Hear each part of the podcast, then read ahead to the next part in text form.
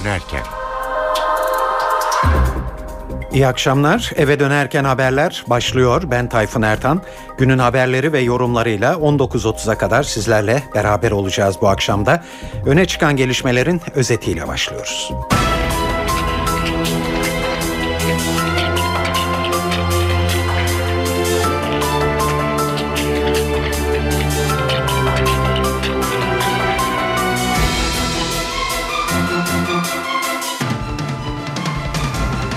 Yeni anayasa çalışmalarında sona gelindi. Muhalefet partileri önerilerini Anayasa Uzlaşma Komisyonu'na sundu. CHP ve MHP başlangıç ilkelerinin değiştirilmesini istemiyor. Abdullah Öcalan'ın PKK'nın Türkiye'den ne şekilde ayrılacağı ile ilgili görüşlerini içeren yeni mektubu PKK'nın Kandil ve Avrupa merkezlerine ulaştı. İsrail'den gelen özür turizmcilere nefes aldırdı. Bu yıl İsrail'den 1 milyon turist bekleniyor. 28 yıl önce açılan İstanbul Menkul Kıymetler Borsası'nın adı değişti. İMKB artık Borsa İstanbul ya da kısaca BIST adıyla anılacak. Ve Almanya'da geçen ay 8 Türk'ün ölümüne neden olan yangında herhangi bir sabotaj ve kundaklama olmadığı belirlendi.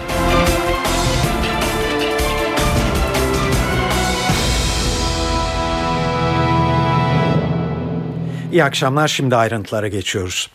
Yeni anayasa çalışmalarında sona gelindi. Muhalefet partileri önerilerini Anayasa Uzlaşma Komisyonu'na sundu. CHP ve MHP anayasadaki ilk 3 maddeyi geçilmez kırmızı çizgiler olarak belirledi. BDP ise tam tersine ilk 3 maddede değişiklik talep etti. Daha fazla ayrıntıyı NTV muhabiri Miray Aktağ Uluç'tan alıyoruz. Muhalefet partilerinin tamamı önerilerini sundu. Barış ve Demokrasi Partisi'nin önerisi de elimize ulaştı. Bugün Anayasa Uzlaşma Komisyonu için önemli bir gündü. Uzlaşılamayan bazı başlıklar vardı. İşte onlarla ilgili önerilerini CHP, MHP ve BDP Anayasa Uzlaşma Komisyonu'na sundu. Hangilerini sundular? Başlangıç genel esaslar, mali ve ekonomik hükümler ile son hükümler konusunda partilerin önerileri hazırlandı. Kırmızı çizgiler MHP ve CHP'de anayasanın değiştirilmez ilk 3 madde maddesiydi. Cumhuriyet Halk Partisi ilk üç maddeyle ilgili bazı ufak değişiklikler öngördü. Örneğin ikinci maddedeki insan haklarına saygılı ifadesi yerine insan haklarına dayalı ifadesini kullandı Cumhuriyet Halk Partisi. Ayrıca Türkiye Cumhuriyeti'nin dili Türkçedir ifadesi yerine resmi dili Türkçedir ifadesinin kullanılmasını da öngörüyor ancak bugün önerdiği metinde yer almadı. Bunun uzlaşma komisyonunda tartışılması yönünde görüş bildirdi Cumhuriyet Halk Partisi. MHP'de anayasanın değiştirilmez ilk üç maddesinin değiştirilmemesi yönünde e, görüşünü bildirdi. Bu yönde bir metin sundu. E, başlangıç metinleriyle ilgili dikkat çekici e, yönler var. MHP'nin başlangıç bölümünde çok sayıda Türk ifadesinin yer alması dikkat çekti ve Türkiye Türkiye Cumhuriyeti'nin bölünmez bütünlüğüne özellikle vurgu yapılıyor. Milliyetçi Hareket Partisi ayrıca Türk milletine sadakatle bağlı kalmak üzere anayasayı Türk millet, milletine emanet ettiğini ifade ediyor.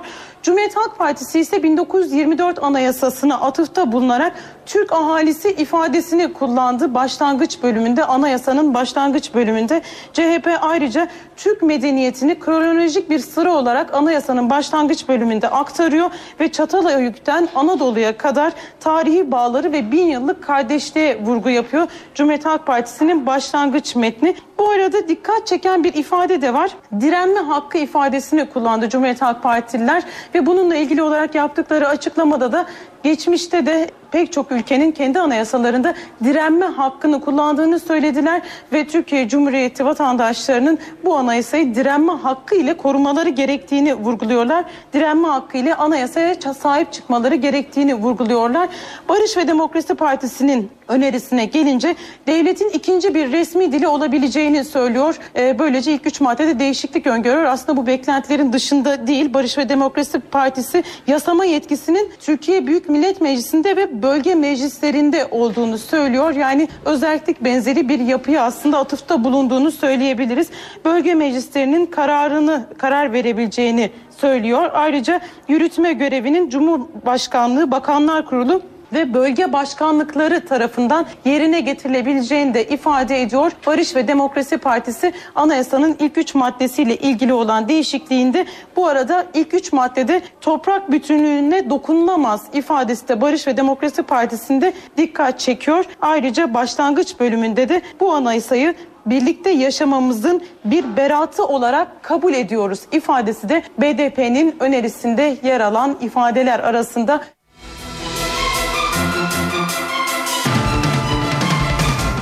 Şimdi çözüm süreciyle ilgili haberlerle devam ediyoruz. Dün akşam bu yayında sizlere Abdullah Öcalan'ın PKK'ya yeni bir mektup yazdığını duyurmuştuk. Kaldığımız yerden devam edersek o metin bugün ilgili taraflara ulaştı. Öcalan'ın mektubu BDP'li Selahattin Demirtaş ve Sırrı Süreyya Önder'in eliyle Kandil'e Pervin Buldan aracılığıyla da Brüksel'e yani PKK'nın Avrupa merkezine götürüldü. Metinde geri çekilmenin nasıl olacağı konusunda önemli mesajlar bulunduğu belirtiliyor. İçerik kesin olarak belli değil ancak Öcalan'ın meclisten mutlaka güvence bekleyen Kandil'e parlamentoda atılan adımlardan tatmin olduğunu söylediği ve Türkiye'den ayrılmaları için ikna etmeye çalıştığı ileri sürülmekte. Ayrıntıları NTV Diyarbakır temsilcisi Nizamettin Kaplan'dan öğreniyoruz. Dördüncü heyetin İmralı Adası'na gitmesinden sonra Abdullah Öcalan'ın vereceği mektubun ne zaman BDP'ye ulaşacağı gündemdeydi. İşte o mektup dün ulaştı ve BDP eş genel başkanı Selahattin Demirtaş'la BDP İstanbul milletvekili Sırrı Süreyya Önder bu sabah itibariyle e, Irak Kürt bölgesine geçtiler ve mektubu Kandil'e gö- götürmek üzere orada bulunuyorlar. Bugün Kandil'de bu buluşma gerçekleşecek ve Kandil'de muhtemelen mektubu aldıktan sonra düşüncesini yine bir mesajla BDP eş genel başkanı Selahattin Selahattin Demirtaş ve milletvekili Sırrı Süreyya Önder'e iletecek. Ardından da e, bu iki isim tekrar Türkiye'ye dönecekler ve yine bu kez alınan mektup, Kandil'den alınan mektup devlet yetkililerine ulaştırılacak. Oradan da yine İmralı Adası'na gidilecek. Tabi sadece Kandil'e mektup yoktu. Dün Avrupa'ya da bir mektup yazılmıştı Abdullah Öcalan tarafından. O da bugün itibariyle Brüksel'e yine İmralı'ya giden heyette bulunan Pervin Buldan tarafından götürüldü. Onun da yanıtı yine aynı isim aracılığıyla Türkiye'ye getirilecek. Çözüm sürecinde parlamentonun adı artık daha sık anılır oldu. Süreci değerlendirme adı verilen komisyonun kurulması için verilen önergenin ardından hükümet şimdi de parlamentoyu bilgilendirme kararı aldı. Bu kapsamda Başbakan Yardımcısı Beşir Atalay salı günü kürsüye çıkacak ve muhalefete gelinen noktaya dair bilgi verecek. Aynı gün AKP'nin komisyon önergesinin de oylanması bekleniyor. Meclis çalışmalarına ilişkin bilgileri de NTV Ankara muhabirlerinden Murat Barış Koralp anlatıyor. Meclis önümüzdeki hafta çözüm süreci mesaisi yapacak. Başbakan Yardımcısı Beşir Atalay genel kurula yapılan çalışmalarla ilgili bilgi verecek. İktidar muhalefetin bize bilgi verilmiyor itirazlarını gidermek için adım atıyor. 9 Nisan Salı günü yapılması planlanan bilgilendirmenin muhalefet milletvekillerinin de söz almasıyla genel görüşmeye dönüşmesi bekleniyor. Zaten muhalefetin de bu yönde talebi vardı. Aynı gün çözüm süreci komisyonunun kurulmasına dair önergenin de gündeme alınması planlanıyor. CHP ve MHP bu komisyona üye vermeyeceklerini açıklamıştı. Ancak AK Partili üyelerin desteğiyle kurulacak komisyonun iç tüzük açısından karar almasında bir sakınca olmuyor muhalefet üye vermese bile. Meclis Genel Kurulu'nun çarşamba gününden itibaren ise dördüncü yargı paketi mesaisine başlaması öngörülüyor. Murat Barış Koral, NTV Radyo Ankara. Hükümet süreci sadece parlamentoya değil, e, Güneydoğu'daki halka da anlatmak üzere harekete geçti. AK Parti milletvekilleri bölgeye çıkartma yaptı diyebiliriz. 45 milletvekili Güneydoğu'ya gitti. Milletvekilleri 3 gün bölgede kalacak ve ilk durakları Diyarbakır. Vekiller gün içinde Diyarbakır'ın ilçelerine de dağıldılar ve heyet adına açıklama AKP Grup Başkan Vekili Ahmet Aydın'dan geldi. Aydın, halkta tereddüt görmedik sürece tam destek var diye konuştu. Aydın Kürt sorununun çözülmesi halinde bölgenin şahlanacağını ifade etti kendi sözleriyle. Halkımız süreci yakından izliyor, takip ediyor. Ve bu manada da hakikaten e, çok ciddi oranda bu çözümün gelmesine adına destek veriyor. Ben halkımızı kutluyorum gerçekten. Artık bu kanın durması, bu barışın gelmesi ve bu manada da özellikle kardeşliğimizin pekişmesi adına zaten halkımız her şeyi takip ediyor, görüyor ve bu noktada da özellikle halkta en ufak bir tereddüt yok. Halkta tereddüt olmadığını farkındayız ama sorumlu makamda olan herkesin özellikle siyasetçilerin, siyasi partilerin, muhalefet partileri başta olmak üzere bütün herkesin de bu sürece destek vermesini arzuluyoruz. Eğer bu sorun çözülürse, bu çözüme kavuşursa emin olun bölge şahlanacak. Enerjimiz çok daha başka alanlarda bölgeye uçuracağız adeta inşallah. Hep birlikte el birliğiyle, bölge insanıyla birlikte biz bunu yapacağız. Sadece tek başımıza değil. Evet AK Parti heyeti e, Diyarbakır'da dedik. Daha sonra Batman ve Siirt'e gidecekler.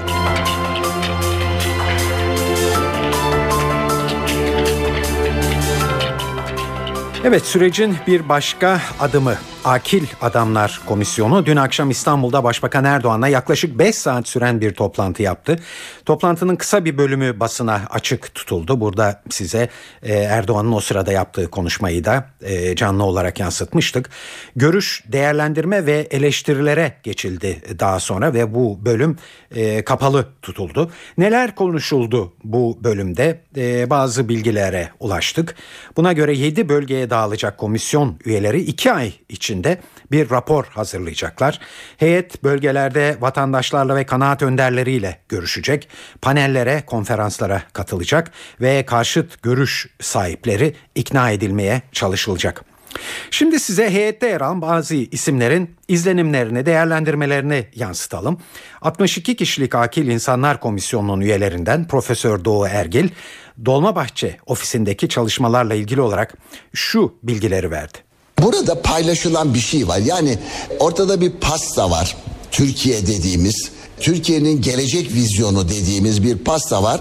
Bunun için kavga etmeyi e, artık geride bırakmak ve bunu nasıl paylaşacağımızı ve bu pastayı nasıl büyüteceğimizi e, bize bıraktı başbakan. E, o yüzden herkes işte sanatçı sanatıyla, gazeteci iletişim becerileri, bilim adamları da bilgi, e, bilgileriyle ve bilgeler de bilgelikleriyle bunu nasıl yapacaklarına kendileri karar verecekler ve e, hangi modalitede hangi tarzda e, toplumla bu e, sanatlarını bilgilerini bilgeliklerini paylaşacaklarına da kendileri e, karar verip uygulayacaklar. Bu açıdan baktığınızda amaç belli e, sonuç tahmin edilen bir sonuç. Yani toplumu sadece barışa değil barışı sağlayacak olan daha nitelikli bir demokrasiye çağdaş bir demokrasiye hazırlamak için onun rızasını sağlamaktır. Şimdi toplumda bu rıza genel itibariyle var. Yeni bir yapılanmanın ne olabileceğini, bunu herkesin katkısıyla nasıl e, sağlayabileceğimizi tartışacağız biz. Bir, endişeleri gidermek. İki, bu sürece katkıda bulunacak bir duygusal ortamı hazırlamak. Üçüncüsü de bunu bütün toplumla beraber yapmak gibi bir çaba sarf edeceğiz. Evet dün akşamki toplantıdan izlenimlerle devam edelim. 78'liler Derneği Başkanı Celalettin Can bazı kaygılarının başbakanın konuşmasıyla ortadan kalktığını söylüyor. Biraz her şeyin yukarıdan belirlenmesi şeklindeki bir e, görüşlerim vardı benim. Yani bir komisyon saptanması, bölgelere ayrılması, işte başkanın sözcünün yardımcısının saptanması. Ya bunlar şekli şeylerdi ama bir yukarıdan saptama gibi gelmişti bana. E, sanki e, orada saptananların da söylenenlerini de kom şeye götüreceğiz. Ya topluma taşıyacağız kendi tarzımızda. Böyle bir algılayış vardı. Bu konudaki görüşlerimi ben ifade ettim. Ee, en azından iş bölümünü kendi aramızda yapmamız gerektiğini, burada saptananlardan öte e, kendi tarzımızda bizim anlatmamız gerektiğini, ondan da öte e, nerede ne tip eylem yapacaksak bunu da ne tip etkinlikler düzenleyeceksek kendimizin bunu düzenlenmesi gerektiğini, devletin en fazla buna şey yapması gerektiğini, e, teknik bir destek vermesi gerektiğini bu, ve ayrıca e, bir Kandil'le, bir e, Öcalan'la örneğin sorunlu bazı kesimlerle görüşmenin bizim sürdürmemiz gerektiğini sadece söylenenlerin veya saptadıklarımızın anlatımı değil daha geniş kapsamda bir anlatım ifade ettim. E, Sayın Başbakan konuşmasının bütünlüğü içerisinde şunu söyledi. E, bir Öcalan'la ilgili olayda farklı bir e, görüş söyledi. Bu en azından yasal duruma mevzuata uygun değil. E, şu anda e, Barış ve Demokrasi Partisi gidiyor. E, yarın ne olur onu da bilemeyiz. Bunu karşılayamayız dediler. Onun dışında e, hiçbir konuda e, bir şey ifade etmedi. Yani önümüze ön açıcı. E, oturup kendiniz saptayabilirsiniz, kendiniz söyleyebilirsiniz. Hatta başkanın sözcüsü kendiniz düzenleyebilirsiniz. Keşke biz bu işe hiç girmeseydik de sivil toplum kendi içinde yapsaydı biz buna yardım etseydik falan gibi bir yaklaşımla e, olumlu bir yaklaşım gösterdi. E, bir ölçüde orada yani kaygım aşıldı benim en azından.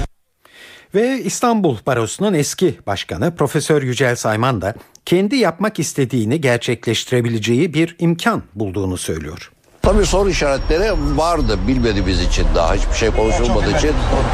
Ne yapacağız? Nasıl yapacağız? Ne konuşacağız?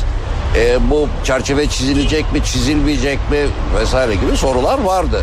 Ama kendi payıma söylüyorum başbakan ilk konuşmasını yaptığı zaman açık bizlere hitaben ama kamuoya açık bir konuşmasını yaptığı zaman benim tereddütlerim kalktı. Belliydi orada bizimle ilgili çalışmalarımızla ilgili yani sonuç bekleme ötesinde bir herhangi bir sınır getirmedi. Herhangi bir şey yapmadı. Sonra sorular soruldu. Ee, orada da söylediği yani ben biraz şey derek söylüyorum ya işte, ya siz belirleyin. Bunu siz belirleyeceksiniz. Ne konuşacağınızı, nasıl konuşacağınızı, ne yapacağınızı, nerede toplantı yapacağınızı oturun kendiniz konuşun yapın.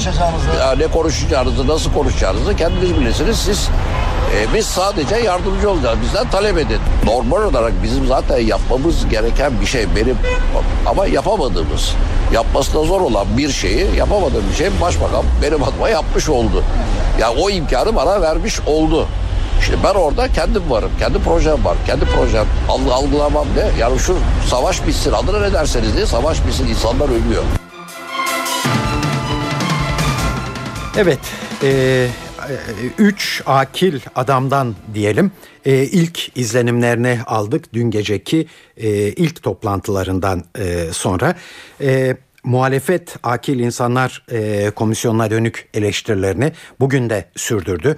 Onlara e, gireceğiz şimdi. E, muhalefet Akil Adamlar Komisyonu'na dönük eleştirilerini bugün de sürdürdü. Orada kalmıştık. Oradan devam edelim. Cumhuriyet Halk Partisi Genel Başkan Yardımcısı Faruk Loğlu yazılı bir açıklama yaptı bugün. Loğlu akil adamların meclisi çözüm üretme ve karar alma süreçlerinden dışlama yaklaşımının bir ürünü olduğunu söyledi. Loğlu bu kişiler hükümet adına bir halkla ilişkiler firması gibi görev yapacaklar ifadelerini kullandı. MHP Aydın Milletvekili Ali Uzunırmak da önce heyetteki isimleri eleştirdi ardından bu insanlar kimi ikna edecek çıksın açıklasınlar diye konuştu. Bu arkadaşlar neyi ikna edecekler? Eğer Türkiye'deki problem terör ise terörü yapanları ikna etmek lazım. Terörden mağdur olanları ikna etmek ne adına ikna etmek? Yani bölge bölge gezecekler. Kimi ikna edecekler? Kimle görüşecekler? Teröristle görüşmüyorlar. Böyle bir ülke, böyle bir demokrasi standardı kendi milletine karşı psikolojik harekat yürütüyor devlet. Bir şeyi ikna etmeye çalışıyorlar halka. Neyi ikna etmeye çalışıyorlar? Açıklasınlar bunları. Evet az önce yayınımıza girmeden önce MHP lideri Devlet Bahçeli de yazılı bir açıklama yaptı. Bahçeli, Başbakan Erdoğan'la bir araya gelen Akil İnsanlar Komisyonu'nun milleti PKK tezlerine ikna etmekle görevlendirildiğini ileri sürdü. Bahçeli, bu kişiler PKK sözcülüğüne talip olmuşlar ve Türk milletini kandırmak üzere son hazırlıklarını Başbakan gözetiminde yapmışlardır dedi.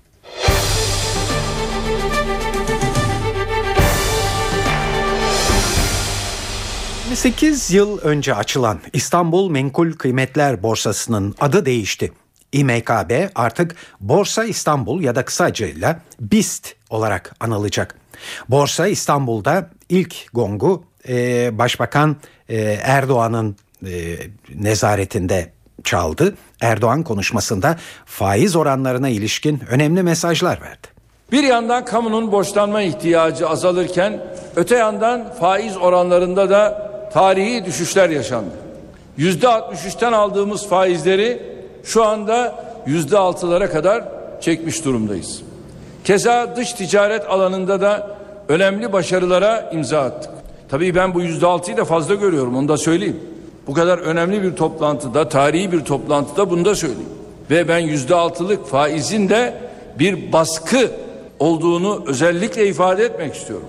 Temenni ediyorum ki kısa zamanda bunu da daha da düşürmek suretiyle özellikle faiz baskısını bu ülkenin tüketicileri üzerinden kaldırmış oluruz.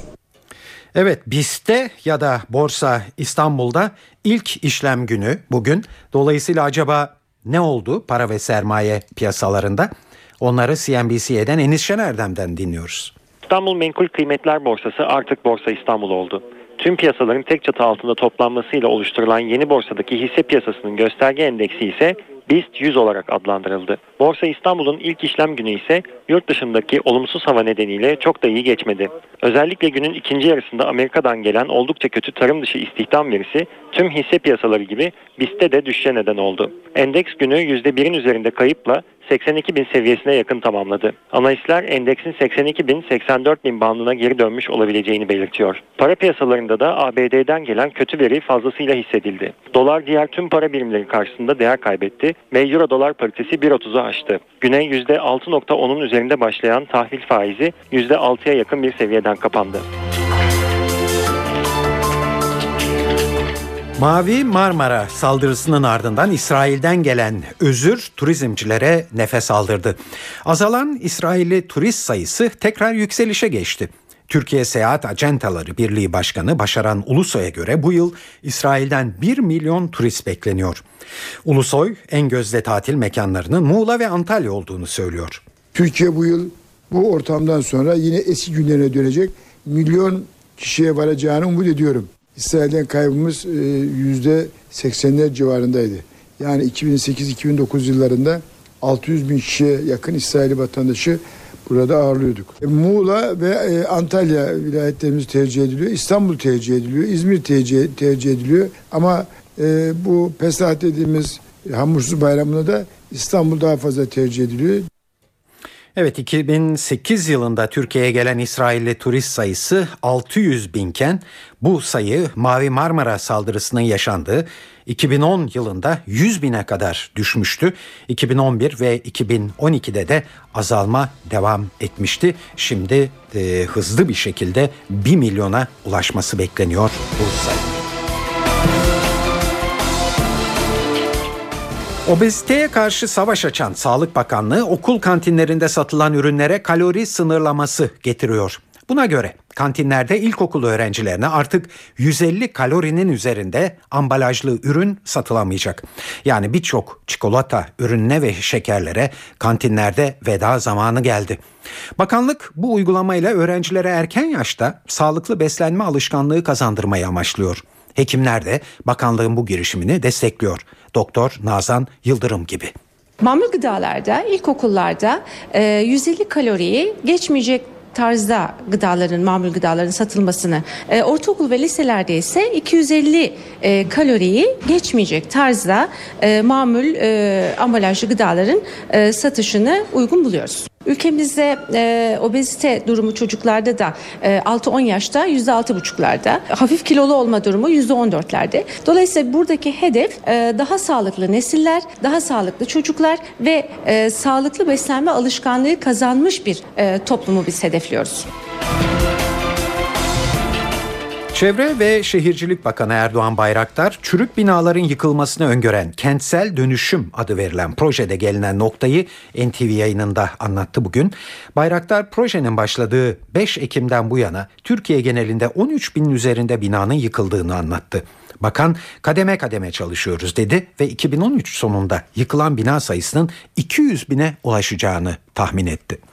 Bir seferberlik başlattık. Bu dönüşüm devam ediyor. Ama şimdi bir büyük adım daha atacağız yarın. Bu ilk adımdan daha büyük bir adım. O gün biz toplam e, Türkiye'de riskli bina kabul ederek yıkabildiğimiz binaların büyük bir bölümü kamu binasıydı, resmi binaydı. Özel sektörden de var bir miktar ve bunun toplam sayısı da 6 bin civarındaydı. O günden bugüne 13 bin civarında e, binayı, riskli binayı yıkmış olduk. E, yarın da 35 bine yakın Türkiye'nin 7 bölgesinde hmm. binanın yıkımını başlatacağız. Bunların bir kısmı yıkıldı, bir kısmının yıkılması devam ediyor. Bu büyük bir adım ve şimdi biz şunu diyoruz. Türkiye'de yaklaşık birim konut sayısı 20 milyon civarında ve bu birim konutlardan bina demiyorum birim konut diyorum. Bu birim konutlardan yaklaşık 6,5 milyonu risk taşıyor ve bunlar deprem hattı deprem fay hattı üzerinde yani ülkemizde bizim bildiğimiz ana fay hatlarıyla bir de yan fay hatlarıyla birlikte 24.500 kilometre uzunluğunda fay hattı üzerinde bulunan konutlardan 6,5 milyonu risklidir ve bunların yenilenmesi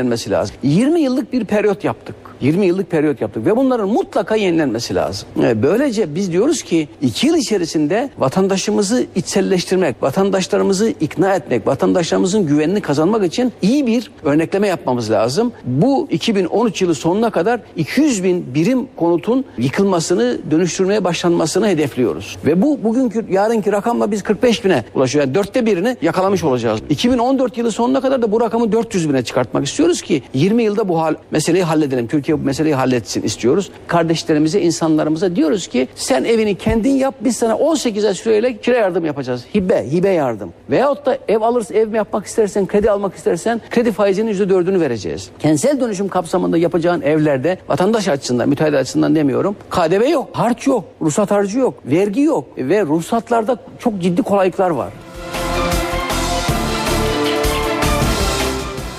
Fenerbahçe Avrupa Ligi'nde yarı finalin kapısını aralamış görünüyor. Sarı lacivertliler Kadıköy'de Lazio'yu 2-0'la geçti ve büyük avantaj sağladı. Lazio'nun 10 kişi kaldığı maçta Fenerbahçe'nin iki şutu da direkten döndü. Maç sonrası NTV Spor'un sorularını yanıtlayan teknik direktör Aykut Kocaman önemli bir avantaj yakaladıklarını ama henüz turu geçmediklerini söyledi. İkinci yarı özellikle rakibimizin 10 kişi kalması tabii bir anlamda bizi e, çok rahatlattı. E, 10-15 dakika biraz bocaladıktan sonra oyunu kanatlara doğru daha fazla yaymaya başladık. Bu da özellikle maçın içinde bize kilidi açan en önemli anahtarlardan biri oldu. E, ama buradaki tabii bu anlamda penaltının gelmesi de çok çok çok da önemliydi. Baskının sonucunda penaltının gelmesi de çok önemliydi. E, bir şeyi daha ilave etmek lazım herhalde. E, seviye e, bu buradaki seviye bu standart sert. Yani rakipler fizik gücü gerçekten çok güçlü. Bugün ilk yarıda özellikle bunu çok net bir şekilde gösterdiler ki maç herhalde 11-11 devam etseydi nasıl giderdi insan e, bir taraftan da merak etmiyor değil. E, ikinci maç için e, bir avantaj yakaladığımız söylenebilir. Ancak bir İtalyan takımıyla üstelik turu geçmek için çok zor olacak bir takımla oynayacağımızı bileceğiz. Buna göre hazırlanacağız. Fenerbahçe'nin galibiyeti İtalyan basınında geniş yankı buldu. Gazetelerde neler dendiğini NTV İtalya muhabiri Şeyda Kanepa'dan öğreneceğiz. İtalya'daki spor basının önde gelen yayınlarından Gazzetta dello Sport gazetesinin internet sitesinde sistemkar bir manşete yer verilerek Fenerbahçe hakemle birlik oldu. Maç 2-0 bitti. Lazio Türkiye'de 10 kişiyle alabora oldu ifadesiyle İtalyan takımın hakem mağduru olduğu iddia edilirken Lazio'nun teknik direktörü Petkovic'in rövanş maçından ümitli olduğu konusundaki sözlerine de yer veriliyor. Corriere dello Sport ise daha sert bir manşet atarak Lazio Türkiye'de kapkaça uğradı cümlesinin ardından. Maçın hakeminin olmayan bir penaltı sayesinde Fenerbahçe'nin atağa geçmesine fırsat sağladığını yazıyor. Haberin içeriğinde Lazio'nun gelecek perşembe oynanacak olan rövanş maçını dün akşamki maçta ceza alan iki oyuncu Onatti ve Mauri olmadan kazanmasının çok zor olduğu belirtiliyor. Republika Sport'un yorumu ise daha da çarpıcı. Bebo, kayıt ve hakem Lazio'yu gömdü cümlesine yer veren haberde İtalyan takımı Şükrü Saraçoğlu cehenneminden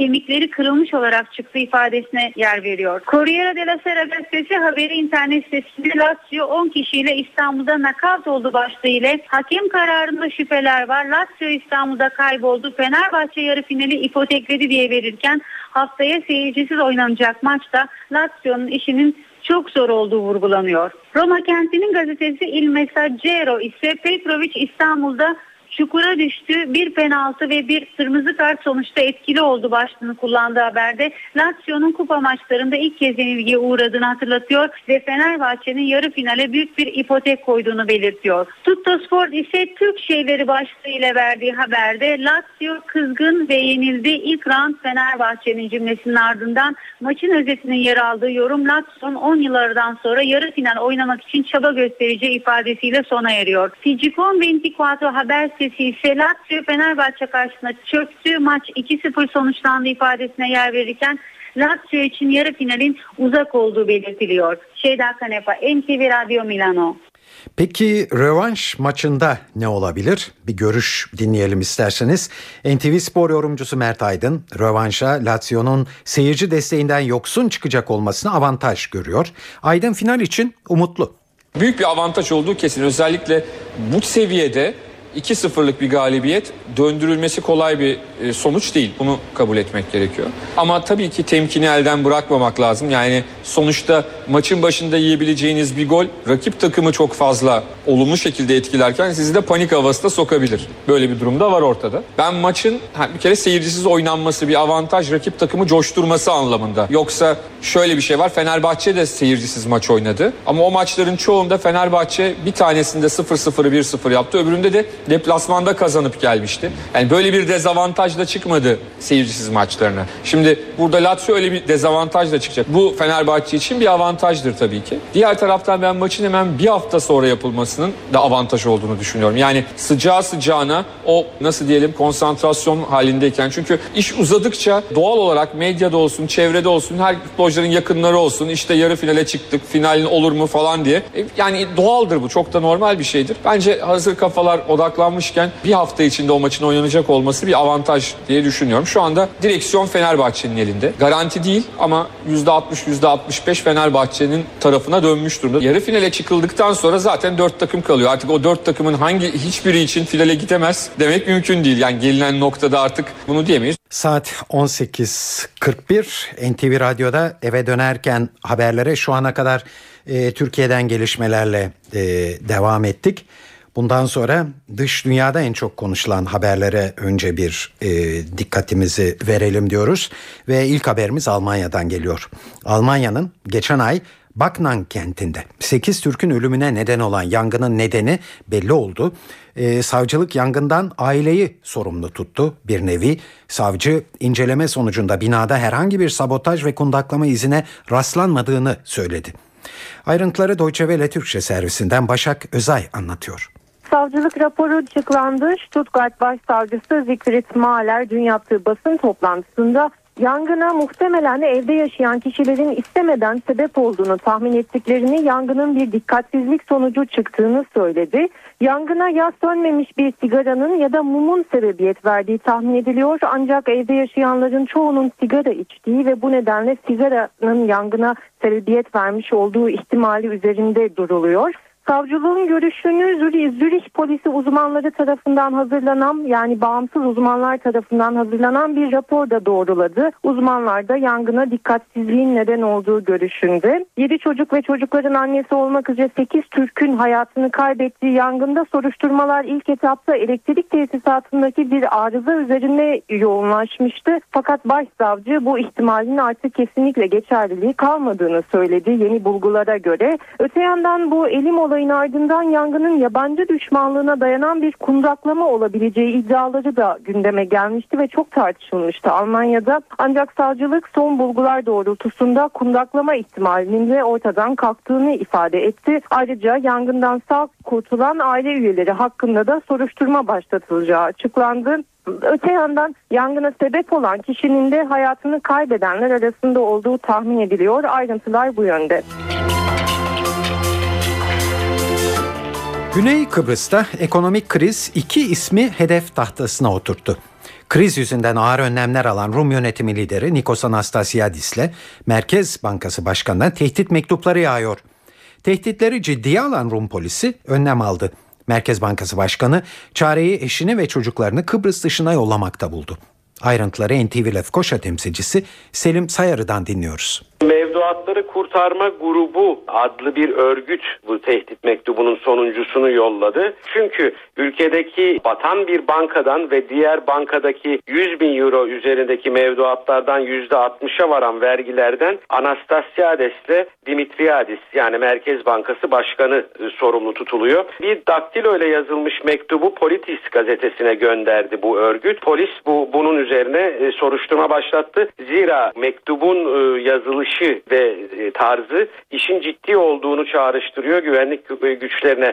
Mektupta şu ifadeler dikkat çekiyor. Cumhurbaşkanı ile Merkez Bankası Başkanı'nı uyarıyoruz. Blöf yapmıyoruz. Bizim kadar canımız yansın diye torunlarınızdan başlayıp çocuklarınıza ve son olarak size geleceğiz. Mevduatları tıraşlamayı derhal durdurun. Vatan hainlerinden dolayı bizleri, çocuklarımızı ve torunlarımızı nelerin beklediğini çok iyi biliyoruz. Hiçbir partiye, hiçbir örgüte mensup değiliz. Ölmeniz için yemin ettik ifade ifadeleri dikkat çekiyor. Örgütün içinde suç işleyebilecek potansiyelde profesyonellerin bulunduğu da belirtiliyor mektupta. Örgütün Kıbrıs'ın genelinde faaliyet göstereceğine, ekonomik tedbirleri alanların cezalandırılacağına vurgu yapılıyor. Tabi durum ciddileşince Merkez Bankası Başkanı Panikos Dimitriadis eşini ve çocuklarını apar topar ada dışına gönderdi. Polis ise Anastasiades ve Dimitriadis'in aileleriyle yakın çevresi için geniş güvenlik tedbirleri aldı. E, bunun yanı sıra olaylarla yani ekonomik gelişmelerle ilgisi olabilecek bankacılar, siyasiler ve bürokratlar için de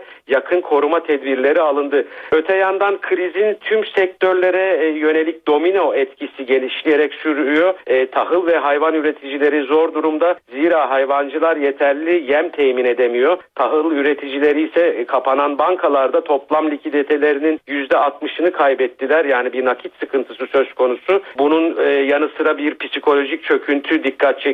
Bu nedenle hükümet psikolojik destek hattı e, kurdu. Yoksul insanlar buraya başvurarak özellikle belediye yardımlarının e, hizmetler için taleplerde bulunuyor. Asgari ücretle geçinilir mi? Bu soru Türkiye'nin ardından İngiltere'de de tartışılıyor. İngiliz Çalışma Bakanı Duncan Smith katıldığı bir radyo programında haftada 53 sterlinlik işsizlik yardımıyla geçinen bir kişinin sorusuna yanıt olarak zorunda kalsam ben de bu parayla geçinebilirim dedi. Böyle dedi ama adada kıyamet koptu. İnternette bakanın bu parayla geçinmesi için çağrı kampanyaları düzenleniyor. Ayrıntıları BBC Türkçe servisinden Hüseyin Alkan derledi. İngiltere'de 53 sterlinle geçinebileceğini söyleyen Çalışma ve Sosyal Güvenlik Bakanı Ian Duncan Smith'e öfke büyüyor. İnternette bakanı bu iddiasını ispata çağıran dilekçeyi 3 gün içinde 420 bin kişi imzaladı. 53 sterlin bir günlük askeri ücrete denk geliyor. Ortalama bir süpermarkette 1 kilo et 7-8, 1 litre süt ise 1 sterlin civarında. Muhafazakar hükümetin sosyal yardımlarda bu ay yürürlüğe koyduğu bir dizi kesintinin mimarı olan Smith, BBC'de katıldığı bir programda haftada 53 sterlin işsizlik yardımıyla geçinen bir kişinin sorusuna yanıt olarak zorunda kalsam ben de bu parayla geçinebilirdim demişti. Bir internet sitesi mülakatın ardından haftalık maaşı 1580 sterlin olan bakana o zaman bu parayla sen geçin çağrısı yaptı. Bakanın 53 sterline geçinebilmesi için maaşının %97'sinden feragat etmesi gerekeceği belirtiliyor ve bunun muhafazakar partinin hepimiz aynı gemideyiz sloganına uygun düşeceği savunuluyor. Hükümet sosyal yardımlara yönelik sınırlamaların İngiltere'nin ayağını yorganına göre uzatmasını sağlayacağını savunuyor. Ana muhalefetteki işçi partisi ise yoksulların cezalandırıldığını söylüyor. İngiltere hükümeti D boyutlardaki bütçe açıklarını kapayabilmek için ağır bir kemer sıkma programı uyguluyor. Yılın ilk 3 ayına ilişkin büyüme rakamları ay sonunda açıklanacak. Beklendiği gibi bu dönemde de ekonomi daralırsa İngiltere 5 yıl içinde 3. kez resesyona girmiş olacak. Kemer sıkma önlemleri özellikle yoksullar arasında ağırlığını hissettirmeye başlarken sendikalar 87 yıl aradan sonra ilk kez genel grev yapmayı değerlendiriyor. Hüseyin Alkan, Londra. Çin'de kuş gribinin yeni bir türü ortaya çıktı. H7N9 adlı virüs ülkenin doğusunda ve Şangay'da 20'ye yakın kişiye bulaştı ve 6 kişi hayatını kaybetti. Çin'den gelen bu haberler üzerine dünya genelinde sağlık kuruluşları teyakkuza geçti. H7N9'un Çin'in sınırlarını aşmasından endişe ediliyor. Kuş ve kümes hayvanlarından bulaşan virüsün insandan insana geçtiğine dair henüz bir veri yok. Virüse karşı aşı çalışmaları şimdiden başlatılmış durumda. Çinli yetkililer de uluslararası sağlık örgütleriyle yakın işbirliği içinde çalışıyor. Ülkede H7N9'un bulaştığı kişiler karantinaya alındı. Virüsün görüldüğü pazarlarda tavuk ve kuşlar itlaf edilmeye başlandı. 2003'te H5N1 adlı kuş virüsü dünya genelinde 360 kişinin ölümüne yol açmıştı.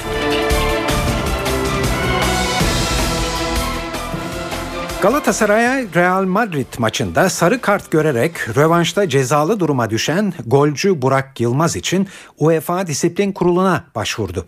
Sarı Kırmızılılar Burak'ın sarı kartının iptal edilmesini ve rövanş maçında oynamasını talep ediyor. Genç forvet Madrid'deki maçın 78. dakikasında rakip oyuncu Sergio Ramos'un ceza alanı içindeki müdahalesi sonucunda yerde kalmıştı. Maçın hakemi aldatmaya yönelik harekette bulunduğu gerekçesiyle Burak Yılmaz'a sarı kart göstermişti. Burak bu sarı kartın ardından cezalı duruma düşmüştü.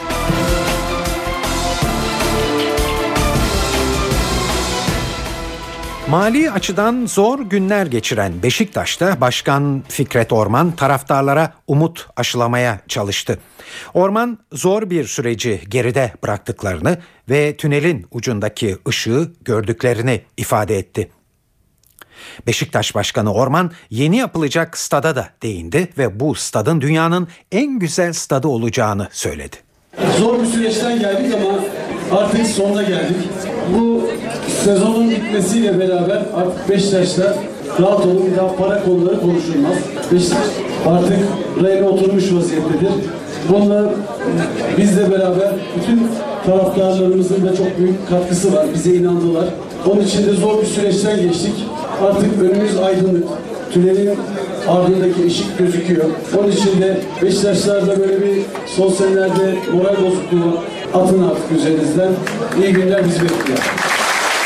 İnşaatına başlayacağız. Yeni bir stat yapacağız. Bir sene dışarıda oynayacağız. Türkiye'nin değil, inanın dünyanın en güzel stadı yapacağız. Emin olabilirsiniz.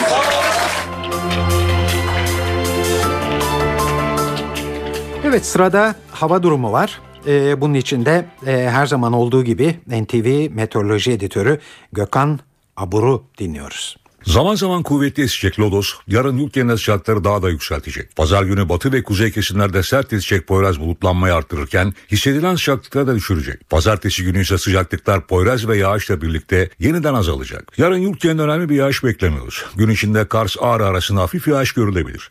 Pazar günü batı bölgeler Trakya'dan başlayarak yeniden yağışlama etkisine girecek ve akşama doğru yağışlar kıyı Ege'de etkisi altına alacak. Pazartesi günü Ege ve Marmara'nın güneyinde daha kuvvetli olmak üzere Karadeniz, Akdeniz ve hafif de olsa İç Anadolu'nun batı kesimlerinde yağış görülecek. Yağışların iç ve kuzey kesimlerde salı gününe devam etmesini bekliyoruz. Evet İstanbul'da hava yarın oldukça sıcak. Sıcaklığın 24 dereceye kadar çıkmasını bekliyoruz. Hava açık ve güneşli. Pazar günü ise sert Poyraz biraz da olsa üşütecek. Ankara yarın güneşli ve sıcaklık 24 derece. Pazar günü Lodos sert esecek ve sıcaklık 28 dereceyi görecek. Yeni anayasa çalışmalarında sona gelindi. Muhalefet partileri önerilerini Anayasa Uzlaşma Komisyonu'na sundu. CHP ve MHP başlangıç ilkelerinin değişmesini istemiyor. Abdullah Öcalan'ın PKK'nın Türkiye'den ne şekilde ayrılacağı ile ilgili görüşlerini içeren yeni mektubu PKK'nın Kandil ve Avrupa merkezlerine ulaştı. 28 yıl önce açılan İstanbul Menkul Kıymetler Borsası'nın adı değişti. İMKB artık Borsa İstanbul ya da kısaca BIST adıyla anılacak.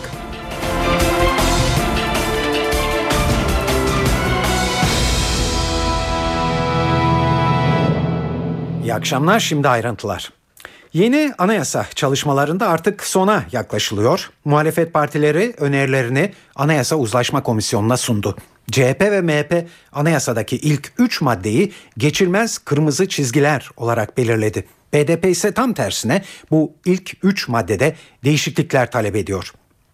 NTV Ankara muhabirlerinden Miray Aktağ Uluç anlatıyor. Muhalefet partilerinin tamamı önerilerini sundu. Barış ve Demokrasi Partisi'nin önerisi de elimize ulaştı. Bugün Anayasa Uzlaşma Komisyonu için önemli bir gündü. Uzlaşılamayan bazı başlıklar vardı. İşte onlarla ilgili önerilerini CHP, MHP ve BDP Anayasa Uzlaşma Komisyonu'na sundu. Hangilerini sundular? Başlangıç genel esaslar, mali ve ekonomik hükümler ile son hükümler konusunda partilerin önerileri hazırlandı. Kırmızı çizgiler MHP ve CHP'de anayasanın değiştirilmez ilk 3 madde maddesiydi. Cumhuriyet Halk Partisi ilk 3 maddeyle ilgili bazı ufak değişiklikler öngördü. Örneğin ikinci maddedeki insan haklarına saygılı ifadesi yerine insan haklarına dayalı ifadesini kullandı Cumhuriyet Halk Partisi.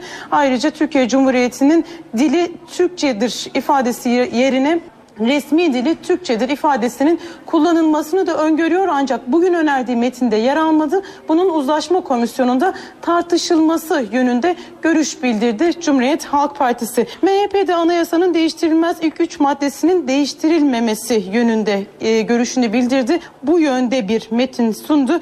E, başlangıç metinleriyle ilgili dikkat çekici e, yönler var. MHP'nin başlangıç bölümünde çok sayıda Türk ifadesinin yer alması dikkat çekti ve Türk Türkiye Cumhuriyeti'nin bölünmez bütünlüğüne özellikle vurgu yapılıyor. Milliyetçi Hareket Partisi ayrıca Türk milletine sadakatle bağlı kalmak üzere anayasayı Türk millet, milletine emanet ettiğini ifade ediyor.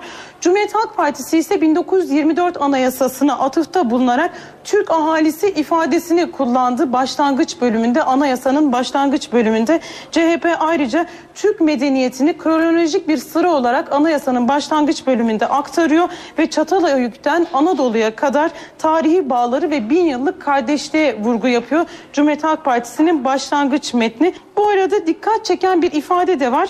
Direnme hakkı ifadesini kullandı Cumhuriyet Halk Partililer ve bununla ilgili olarak yaptıkları açıklamada da geçmişte de pek çok ülkenin kendi anayasalarında direnme hakkını kullandığını söylediler ve Türkiye Cumhuriyeti vatandaşlarının bu anayasayı direnme hakkı ile korumaları gerektiğini vurguluyorlar. Direnme hakkı ile anayasaya sahip çıkmaları gerektiğini vurguluyorlar. Barış ve Demokrasi Partisi'nin önerisine gelince devletin ikinci bir resmi dili olabileceğini söylüyor. Ee, böylece ilk üç maddede değişiklik öngörüyor. Aslında bu beklentilerin dışında değil. Barış ve Demokrasi Partisi yasama yetkisinin Türkiye Büyük Millet Meclisi'nde ve bölge meclislerinde olduğunu söylüyor. Yani özellik benzeri bir yapıya aslında atıfta bulunduğunu söyleyebiliriz. Bölge meclislerinin kararını karar verebileceğini söylüyor. Ayrıca yürütme görevinin Cumhurbaşkanlığı Bakanlar Kurulu ve bölge başkanlıkları tarafından yerine getirilebileceğini de ifade ediyor. Barış ve Demokrasi Partisi anayasanın ilk üç maddesiyle ilgili olan değişikliğinde bu arada ilk üç maddede toprak bütünlüğüne dokunulmaz ifadesi de Barış ve Demokrasi Partisi'nde dikkat çekiyor. Ayrıca başlangıç bölümünde de bu anayasayı birlikte yaşamamızın bir beratı olarak kabul ediyoruz ifadesi de BDP'nin önerisinde yer alan ifadeler arasında. Şimdi çözüm süreciyle ilgili e, son gelişmelerle devam ediyoruz. Dün akşam bu yayında sizlere Abdullah Öcalan'ın PKK'ya yeni bir mektup gönderdiğini duyurmuştuk. Kaldığımız yerden devam edersek o metin bugün ilgili taraflara ulaştı. Öcalan'ın mektubu BDP'li Selahattin Demirtaş ve Sırrı Süreyya Önder'in eliyle Kandil'e Pervin Buldan tarafından da Brüksel'e yani PKK'nın Avrupa merkezine ulaştırıldı. Metinde geri çekilmenin nasıl olacağı konusunda önemli mesajlar olduğu belirtilmekte. İçerik kesin olarak belli değil ancak Öcalan'ın meclisten mutlaka güvence bekleyen Kandil'e parlamentoda atılan adımlardan tatmin olduğunu söyleyerek Türkiye'den ayrılmaları için ikna etmeye çalıştığı ileri sürülüyor. NTV Diyarbakır temsilcisi Nizamettin Kaplan'ı dinliyoruz. Dördüncü heyetin İmralı Adası'na gitmesinden sonra Abdullah Öcalan'ın vereceği mektubun ne zaman BDP'ye ulaşacağı gündemdeydi. İşte o mektup dün ulaştı ve BDP eş genel başkanı Selahattin Demirtaş'la BDP İstanbul Milletvekili Sırrı Süreyya Önder bu sabah itibariyle e, Irak Kürt bölgesine geçtiler ve mektubu Kandil'e gö- götürmek üzere orada bulunuyorlar. Bugün Kandil'de bu buluşma gerçekleşecek ve Kandil'de muhtemelen mektubu aldıktan sonra düşüncesini yine bir mesajla BDP eş genel başkanı Selahattin Selahattin Demirtaş ve milletvekili Sırrı Süreyya Önder'e iletecek. Ardından da e, bu iki isim tekrar Türkiye'ye dönecekler ve yine bu kez alınan mektup, Kandil'den alınan mektup devlet yetkililerine ulaştırılacak. Oradan da yine İmralı Adası'na gidilecek. Tabi sadece Kandil'e mektup yoktu. Dün Avrupa'ya da bir mektup yazılmıştı Abdullah Öcalan tarafından. O da bugün itibariyle Brüksel'e yine İmralı'ya giden heyette bulunan Pervin Buldan tarafından götürüldü. Onun da yanıtı yine aynı isim aracılığıyla Türkiye'ye getirilecek. Çözüm sürecinde parlamentonun adı artık daha sık geçmeye başladı. Süreci değerlendirme adı verilen komisyonun kurulması için verilen önergenin ardından hükümet şimdi de parlamentoyu bilgilendirme kararı aldı. Bu kapsamda Başbakan Yardımcısı Beşir Atalay salı günü kürsüye çıkacak ve muhalefete gelinen noktaya ilişkin bilgiler verecek. Aynı gün AKP'nin komisyon önergesinin de oylanması bekleniyor. Meclis çalışmaları ile ilgili olarak NTV muhabiri Murat Barış Koralp'i dinliyoruz. Meclis önümüzdeki hafta çözüm süreci mesaisi yapacak. Başbakan Yardımcısı Beşir Atalay genel kurula yapılan çalışmalarla ilgili bilgi verecek. İktidar muhalefetin bize bilgi verilmiyor itirazlarını gidermek için adım atıyor. 9 Nisan Salı günü yapılması planlanan bilgilendirmenin muhalefet milletvekillerinin de söz almasıyla genel görüşmeye dönüşmesi bekleniyor. Zaten muhalefetin de bu yönde talebi vardı. Aynı gün çözüm süreci komisyonunun kurulmasına dair önergenin de gündeme alınması planlanıyor. CHP ve MHP bu komisyona üye vermeyeceklerini açıklamıştı. Ancak AK Partili üyelerin desteğiyle kurulacak komisyonun iç tüzük açısından karar almasında bir sakınca olmuyor muhalefet üye vermese bile. Meclis Genel Kurulu'nun çarşamba gününden itibaren ise 4. yargı paketi mesaisine başlaması öngörülüyor. Murat Barış Koral, NTV Radyo Ankara. 28 yıl önce açılan İstanbul Menkul Kıymetler Borsası'nın adı değişti. İMKB artık Borsa İstanbul ya da kısaca BIST adıyla anılacak. Borsa İstanbul'da ilk gongu Başbakan Erdoğan çaldı ve özellikle faiz oranlarına değinen bir konuşma yaptı. Bir yandan kamunun borçlanma ihtiyacı azalırken öte yandan faiz oranlarında da tarihi düşüşler yaşandı. Yüzde 63'ten aldığımız faizleri şu anda yüzde altılara kadar çekmiş durumdayız. Keza dış ticaret alanında da önemli başarılara imza attık.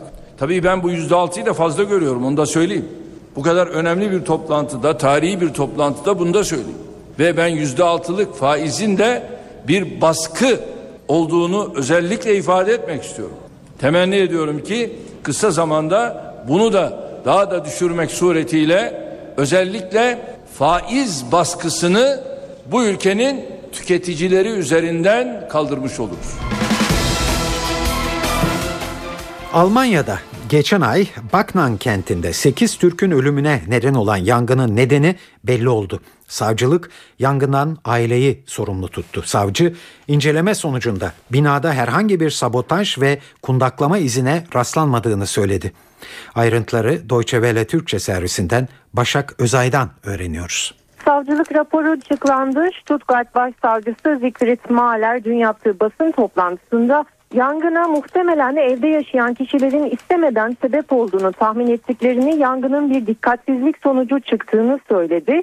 Yangına ya sönmemiş bir sigaranın ya da mumun sebebiyet verdiği tahmin ediliyor ancak evde yaşayanların çoğunun sigara içtiği ve bu nedenle sigaranın yangına sebebiyet vermiş olduğu ihtimali üzerinde duruluyor. Savcılığın görüşünü Zürih, polisi uzmanları tarafından hazırlanan yani bağımsız uzmanlar tarafından hazırlanan bir rapor da doğruladı. Uzmanlar da yangına dikkatsizliğin neden olduğu görüşünde. 7 çocuk ve çocukların annesi olmak üzere 8 Türk'ün hayatını kaybettiği yangında soruşturmalar ilk etapta elektrik tesisatındaki bir arıza üzerine yoğunlaşmıştı. Fakat başsavcı bu ihtimalin artık kesinlikle geçerliliği kalmadığını söyledi yeni bulgulara göre. Öte yandan bu elim olayı olayın ardından yangının yabancı düşmanlığına dayanan bir kundaklama olabileceği iddiaları da gündeme gelmişti ve çok tartışılmıştı Almanya'da. Ancak savcılık son bulgular doğrultusunda kundaklama ihtimalinin de ortadan kalktığını ifade etti. Ayrıca yangından sağ kurtulan aile üyeleri hakkında da soruşturma başlatılacağı açıklandı. Öte yandan yangına sebep olan kişinin de hayatını kaybedenler arasında olduğu tahmin ediliyor. Ayrıntılar bu yönde. Saat 19.16 e, bir iki futbol haberi var e, önümüzde. Onları hemen sizlere duyuralım. Fenerbahçe Avrupa Ligi'nde yarı finalin kapısını aralamış görünüyor artık. Sarı lacivertliler e, Kadıköy'de Lazio'yu 2-0 yenerek gerçekten büyük bir avantaj sağladılar. Ancak maç sonrasında NTV Spor'un sorularını yanıtlayan teknik direktör Aykut Kocaman hala temkinli. Önemli bir avantaj yakaladıklarını ama henüz turu geçmediklerini söylüyor. İkinci yarı özellikle rakibimizin 10 kişi kalması tabii bir anlamda bizi e, çok rahatlattı. E, 10-15 dakika biraz bocaladıktan sonra oyunu kanatlara doğru daha fazla yaymaya başladık. Bu da özellikle maçın içinde bize kilidi açan en önemli anahtarlardan biri oldu. E, ama buradaki tabii bu anlamda penaltının gelmesi de çok çok çok da önemliydi. Baskının sonucunda penaltının gelmesi de çok önemliydi. E, bir şey daha ilave etmek lazım herhalde. E, seviye e, bu buradaki seviye bu standart sert. Yani rakipler fizik gücü gerçekten çok güçlü. Bugün ilk yarıda özellikle bunu çok net bir şekilde gösterdiler ki maç herhalde 11-11 devam etseydi nasıl giderdi insan e, bir taraftan da merak etmiyor değil. E, ikinci maç için e, bir avantaj yakaladığımız söylenebilir. Ancak bir İtalyan takımıyla üstelik turu geçmek için çok zorlayacak bir takımla oynayacağımızı bileceğiz. Buna göre hazırlanacağız. Peki e, Fenerbahçe'nin galibiyeti İtalyan basınında e, nasıl yer buldu? Gazetelerde neler yazıldığını NTV İtalya muhabiri Şeyda Kanepa anlatıyor. İtalya'daki spor basının önde gelen yayınlarından Gazzetta dello Sport gazetesinin internet sitesinde sistemkar bir manşete yer verilerek Fenerbahçe hakemle birlik oldu. Maç 2-0 bitti. Lazio Türkiye'de 10 kişiyle alabora oldu ifadesiyle İtalyan takımın hakem mağduru olduğu iddia edilirken Lazio'nun teknik direktörü Petkovic'in rövanş maçından ümitli olduğu konusundaki sözlerine de yer veriliyor. Corriere dello Sport ise daha sert bir manşet atarak Lazio Türkiye'de kapkaça uğradı cümlesinin ardından maçın hakeminin olmayan bir penaltı sayesinde Fenerbahçe'nin atağa geçmesine fırsat sağladığını yazıyor. Haberin içeriğinde Lazio'nun gelecek perşembe oynanacak olan rövanş maçını dün akşamki maçta ceza alan iki oyuncu Onatsi ve Mauri olmadan kazanmasının çok zor olduğu belirtiliyor. Republika Sport'un yorumu ise daha da çarpıcı. Bebo, kayıt ve hakem Lazio'yu gömdü cümlesine yer veren haberde İtalyan takımı Şükrü Saraçoğlu cehenneminden kemikleri kırılmış olarak çıktı ifadesine yer veriyor. Corriere della Sera gazetesi haberi internet sitesinde Lazio 10 kişiyle İstanbul'da nakavt oldu başlığı ile hakem kararında şüpheler var. Lazio İstanbul'da kayboldu. Fenerbahçe yarı finali ipotekledi diye verirken haftaya seyircisiz oynanacak maçta Lazio'nun işinin çok zor olduğu vurgulanıyor. Roma kentinin gazetesi Il Messaggero ise Petrovic İstanbul'da çukura düştü. Bir penaltı ve bir kırmızı kart sonuçta etkili oldu başlığını kullandığı haberde. Lazio'nun kupa maçlarında ilk kez yenilgiye uğradığını hatırlatıyor ve Fenerbahçe'nin yarı finale büyük bir ipotek koyduğunu belirtiyor. Tutto Sport ise Türk şeyleri başlığıyla verdiği haberde Lazio kızgın ve yenildi. İlk round Fenerbahçe'nin cümlesinin ardından maçın özetinin yer aldığı yorum Lazio'nun 10 yıllardan sonra yarı final oynamak için çaba göstereceği ifadesiyle sona eriyor. Ficikon 24 haber sesi ise Lazio Fenerbahçe karşısında çöktü. Maç 2-0 sonuçlandı ifadesine yer verirken Lazio için yarı finalin uzak olduğu belirtiliyor. Şeyda Kanepa, NTV Radyo Milano.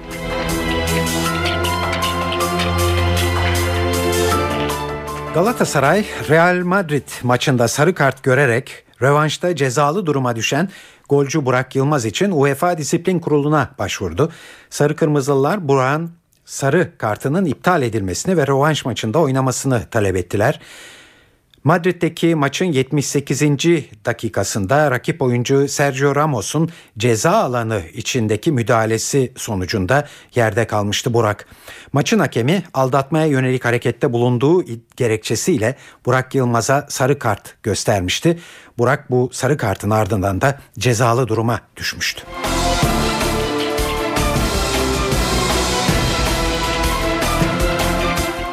Eve dönerken haberlerde geldik kültür ve sanat dünyasından gelişmelere.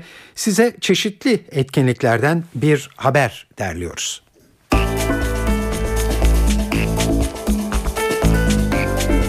Büyük Ev Abluka'da Full Faça Babilon'da sahne alıyor bu akşam. İstanbul Alternatif Müzik Camiası'nın başarılı grubu eğlenceli performansına saat 22'de başlıyor. Cemal Reşit Rey konser salonu da Bosphorus konserine ev sahipliği yapıyor bu akşam. Erol Dera'nın sanat yönetmenliğini yaptığı konser saat 20'de müzikseverlerin karşısında olacak. Murkoff, Philip Pettit, Mark Cunningham ise Bursan Müzik Evi'nde bir konser veriyor. Meksikalı elektronik müzik dahisi Murkoff'a konserde icat ettiği aletlerden ve cimbalomundan çıkardığı seslerle elektronik müzik yapan Philip Pettit ve New Yorklu No Wave grubu Mars'ın kurucularından Mark Cunningham eşlik ediyor.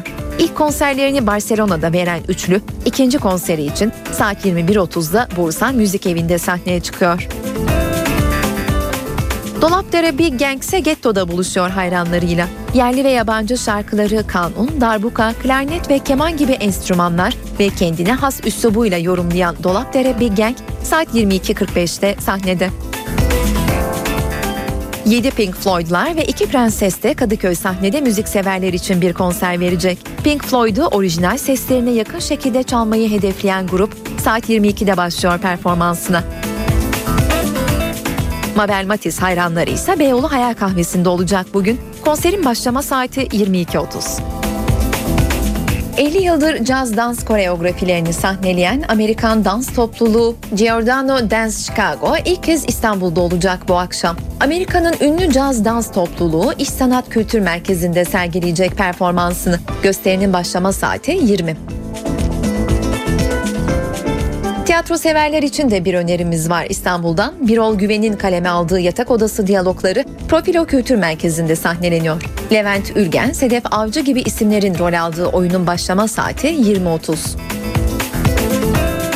İzmir'den de önerilerimiz var. Mor ve Ötesi hayranları için hemen belirtelim. Grup İzmir Arena'da bir konser veriyor bu akşam. Mor ve Ötesi saat 21.30'da sahnede. Bir de oyun önerimiz olacak İzmirli sanatseverler için. Peron adlı oyun bugün Karşıyaka Ragıp Haykır sahnesinde olacak.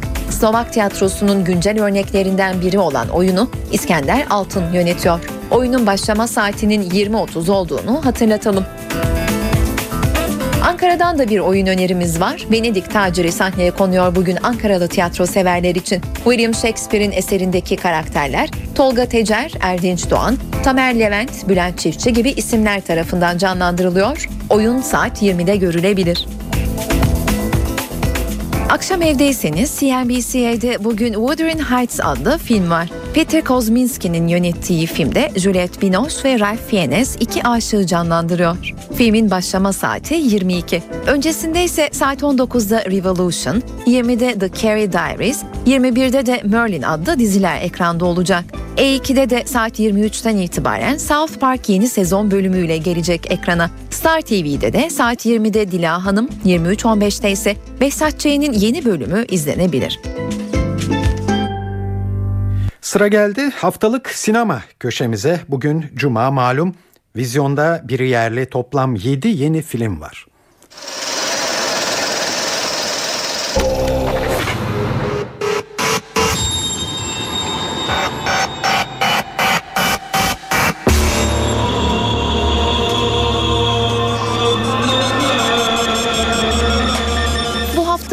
Yerli 7 yeni film vizyonda. Haftanın tek yerli filmi Age'in Hasan Karacadağ'ın imzasını taşıyor. Filmde Şile'de küçük bir kızın kimliği belirsiz kişilerce kaçırılmasıyla başlayan lanetli olaylar anlatılıyor. What would you do if I died, Dad? Would you cry? I don't think I'd ever stop. Broken ya da Türkçe vizyon adıyla Koşulsuz Sevgi ise sinema ve sahne sanatlarında oyunculuk ve yönetmenlik yönleriyle tanınan Rufus Norris'in ilk sinema filmi olma özelliği taşıyor. Daniel Clay'in romanından sinemaya uyarlanan filmde Kuzey Londra'da yaşayan şeker hastası bir kızın olaylı bir yaz tatili sonrası hayatındaki değişiklikleri perdeye taşıyor. 2012 Cannes Film Festivali eleştirmenler haftasında açılış filmi olarak gösterilen Koşulsuz Sevgi'de başrolleri Cillian Murphy, Tim Roth ve Robert Ems paylaşıyor. Where is this place anyway? It's right up here.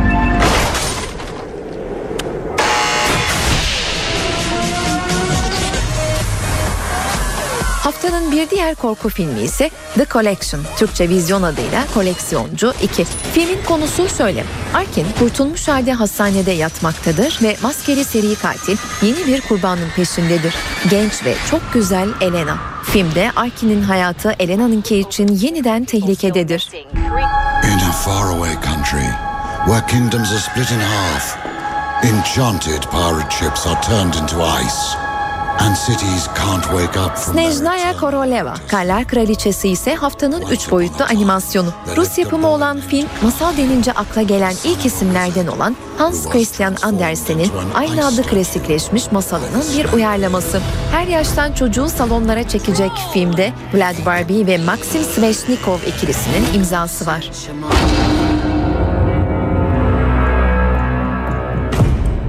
Conscientious Usta sinemacı Brian De Palma'nın merakla beklenen son filmi Passion ya da Türkçe vizyon adıyla Öldüren Tutku, 2011 tarihli Alain Corneo'nun yönettiği Fransız filmi Love Crime'ın yeniden çevrimi. Rachel McAdams, Noomi Rapace ve Paul Anderson filmin başrollerinde.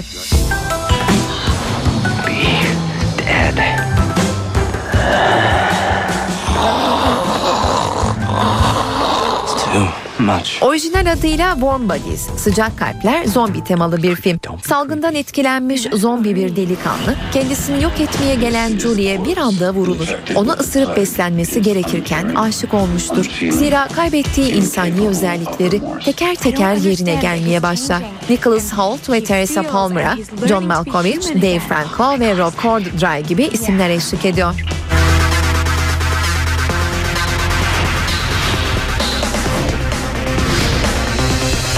Senior around since we moved here. I'm, I'm meant to introduce myself. I was just taking drugs. Excellent. Have you met my mum? Jenny Downham'ın Before I Die isimli romanının beyaz perde uyarlaması olan Aşk Şimdi, Now is Good'un senaryosu ve yönetmeni ise Al Parker. Filmde lösemi hastalığına yakalanmış, gördüğü 4 yıllık kemoterapi tedavisinin ardından doktorlar tarafından iyileşemeyeceği yönünde teşhis konulmuş genç bir kadının yaşadıkları anlatılıyor. Right now is definitely a moment.